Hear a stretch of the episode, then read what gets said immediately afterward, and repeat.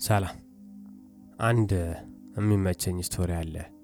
ሁለት ሴጣኖች ልበለው፣ ሁለት ሴጣኖች አንድ ላይ የሄዱ ያው የሴጣን ስራ ማሳሳት ነው አይደል?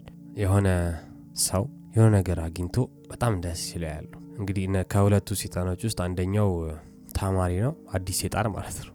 አዲስ አሳሳች፣ አዲስ tempter ነውና ግራ የገባውና ምንድን ነው ያ ሰው እያገኘው ምን ቢያገኝ ነው እንደዚህ ደስ ያለው አለው። የዚህን ጊዜ ዋናው ሴጣን ወይም አስተማሪው ሴጣን አይ ሰውዬማ ደስ ያለው የሆነ ቁራጭ እውነት አግኝቶ ነው፣ ትንሽ እውነት አግኝቶ ነው ደስ ያለው ይለዋል። የዚህን ጊዜ ተማሪው ሴጣን ታዲያ ትንሽ እውነት ካገኝ እኛ እኛ ስራችንን ማሳሳት አይደል እንዴ?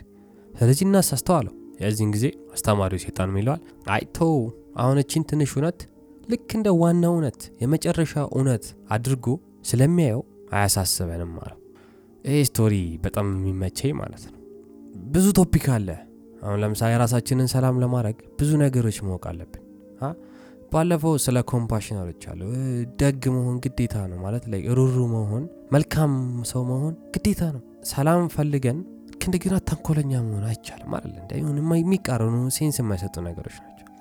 ከእንደገና wisdom ም ያስፈልገናል፣ ጥበብ ያስፈልገናል፣ ከእንደገና ትኩረት ያስፈልገናል። meditation ማለት concentration፣ awareness ከእንደገና ትዕግስት ያስፈልገናል። ከእንደገና ጽናት ያስፈልገናል። እነዚህ ሁሉ ተጣምረው ነው ትክክለኛ ሰላም የምናገኘው፣ ትክክለኛ ኖርም ብለን የምንሞተው። ስለዚህ አንድ ነገር ይዘን እኝ የምንለው ነገር መቆም አለበት። ትንሽ እውነት ይዘን ይሄ የመጨረሻው ነው ምንል ከሆነ እሱ የ ego ነው፣ እሱ የቴምተር የማራ ነው። ስለዚህ በሱ መልኩ እንዳይፈታተነን ትንሽ እውነት ስናገኝ ከመጣበቅ ይልቅ እናስፋው ይዘን ያዙ ይልቀቁን ከማለታችን በፊት የሚቀረኝ ነገር አለ ወይ እንበል። ነገሮች እንደሚያልቁ እንድገንዘብ እንደሚያልፉም እንድገንዘብ። አለበዚያ ብዙ ሰው ስታክ የሚያደርገው ብዙ ሰው የሆነ ሰዓት ላይ የሚቆመው የሆነ ቦታ ላይ የሚቆመው ማለት ነው ያቺን ትንሽ እውነት ትንሽ ጥቅም ይዞ ይሄ የመጨረሻው ነው ብሎ ስለሚያምን ነው። በተለያየ መንገድ ለማስረዳት የምሞክረው የተለያየ መንገዶችን ለማምጣት የምሞክረው ማለት ነው። እነዚህ ሁሉ ሲደባለቁ ነው። በአንድ ጊዜ እስቱማሽ ነው አይደል እንዴ? በአንድ ጊዜ ሁሉም መጎስቆስ፣ በአንድ ጊዜ ሁሉም ነገር ማውራት ትክክል እኔ የጠቀመኝ የረጅም ዓመት የተደበላለቁ insight ኦች ናቸው እንጂ በአንድ talk በአንድ reading አይደለም። አንዴ አንብቤ አንዴ ሰምቼ አይደለም። ስለዚህ የሆነ ቦታ stuck ያደረግን የሆነ ቦታ ላይ የቆምን መስሎ ከታየን ምክንያቱም አንድ የሆነች ትንሽዬ ነገር ይዘን ስለተጣበቅንበት ነው እና እሱን realize አድርገን እሱን ተገንዝበን እንድንንቀሳቀስ ነው። መንቀሳቀስ ማቆም የለብንም። meditate ማድረግ ማቆም የለብንም። በጥልቀት ማየት ማቆም የለብንም። ነገሮችን ማየት ማቆም የለብንም። እይታችንን ማስፋት አለብን እንዳንጣበቅ ማለት ነው። ለምን በተለምዶ ego ኣችን ልብ ያልተባለው mind ኣችን አላማው እኛን የቀን ቅዠት መክተት ነው። which is የሆነች bubble ውስጥ ጨምሮን የሆነ circle ውስጥ አስገብቶ እያስረሳን እኛን መቆጣጠር ነው የሚፈልገው። በደመነፍስ ምለው ወድጄ አይደለም ራሴ በደመነፍስ ሆኜ ስላየሁት ነው። ብዙ ዝም ብዬ ስጋለባቸው የነበሩ ጊዜዎች አሉ በደመነፍስ። ለዛ ነው ምለው it's not hate አይደለም፣ it's not attack እያደረግኩ አይደለም፣ እውነታው ነው። እኔ በደመነፍስ የተንቀሳቀስኩበት ጊዜ ማለት ልብ የማልል ጊዜ ዝም ብዬ ሰው ያደረገውን ማለል ጊዜ በደመነፍስ ነው። ግን ሁሉም ነገር ጊዜ ስለሆነ መውጣታችን አይቀርም ከደመነፍስ ማስተዋል ስንጀምር በደመ ነፍስ መኖራችን ይቆማል ማለት ነው። የዛን ጊዜ ብዙ ያላየናቸው ነገሮች፣ ብዙ የሚገራርሙ እውነቶች ይገለጥልናል። ስለዚህ መልእክቱ ምንድን ነው? የሆነ ነገር አወቅን ብለን ስንደመደብ ራሳችን እንድንጠይቅ። ትንጥዬ እውነት ናት። ትንሽዬ እውነት ይዘን የመጨረሻ እውነት እንዳይመስለን ብዙዎቻችን እየተታለልን ስለሆነ ማለት ነው። ego ኣችን አብሮን ያለ ነገር ነው። ስለዚህ እኛን ለማታለል በጣም ነው የሚቀለው።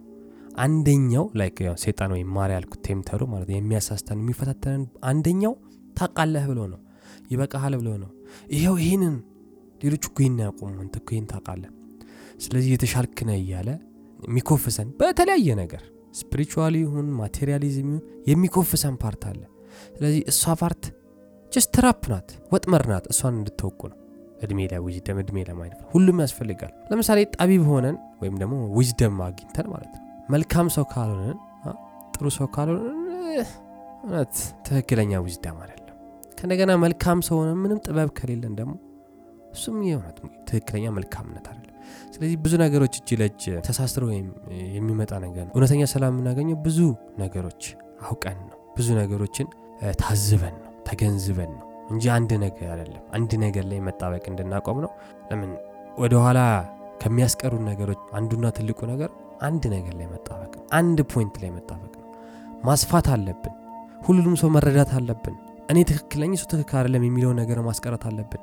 እኔ ባለኝ ደረጃ ያውቃለሁ፣ ያም ሰውዬ ባለው ደረጃ ያውቃል። ስለዚህ እንግባባለን። ጀጃ እናደርግም። አይጠቅምም። ቢጠቅምማ ችግር የለም። አይጠቅምም። ለመርዳት ከፈለጋችሁ ከምክንያት ይሁን፣ ከሪዝን ጋር ይሁን፣ ከመልካምነት ጋር ይሁን። አለበለዚያ ማለት ነው የሆነ ነገር አድርጌ እኔ ራሴ መሳቃይ ከሆነ እኔን ራሴ የሚበጠብጠኝ ከሆነ የቱ ጋ ነው መልካምነት? የቱ ጋ ነው ጥበቤ? የቱ ጋ ነው ያስተዋልኩት? እነዚህ ነገሮች የሉም ማለት ነው። ስለዚህ ቁራጭነት ላይ መጣበቅ ጥሩ አይደለም፣ ወጥመድ ነው። የሆነ ነገር ላይ stuck አድርገን ከሆነ እንድናብላለው ነው። የአይምሮ ቁርስ ነው። thanks for watching thanks for listening love and respect peace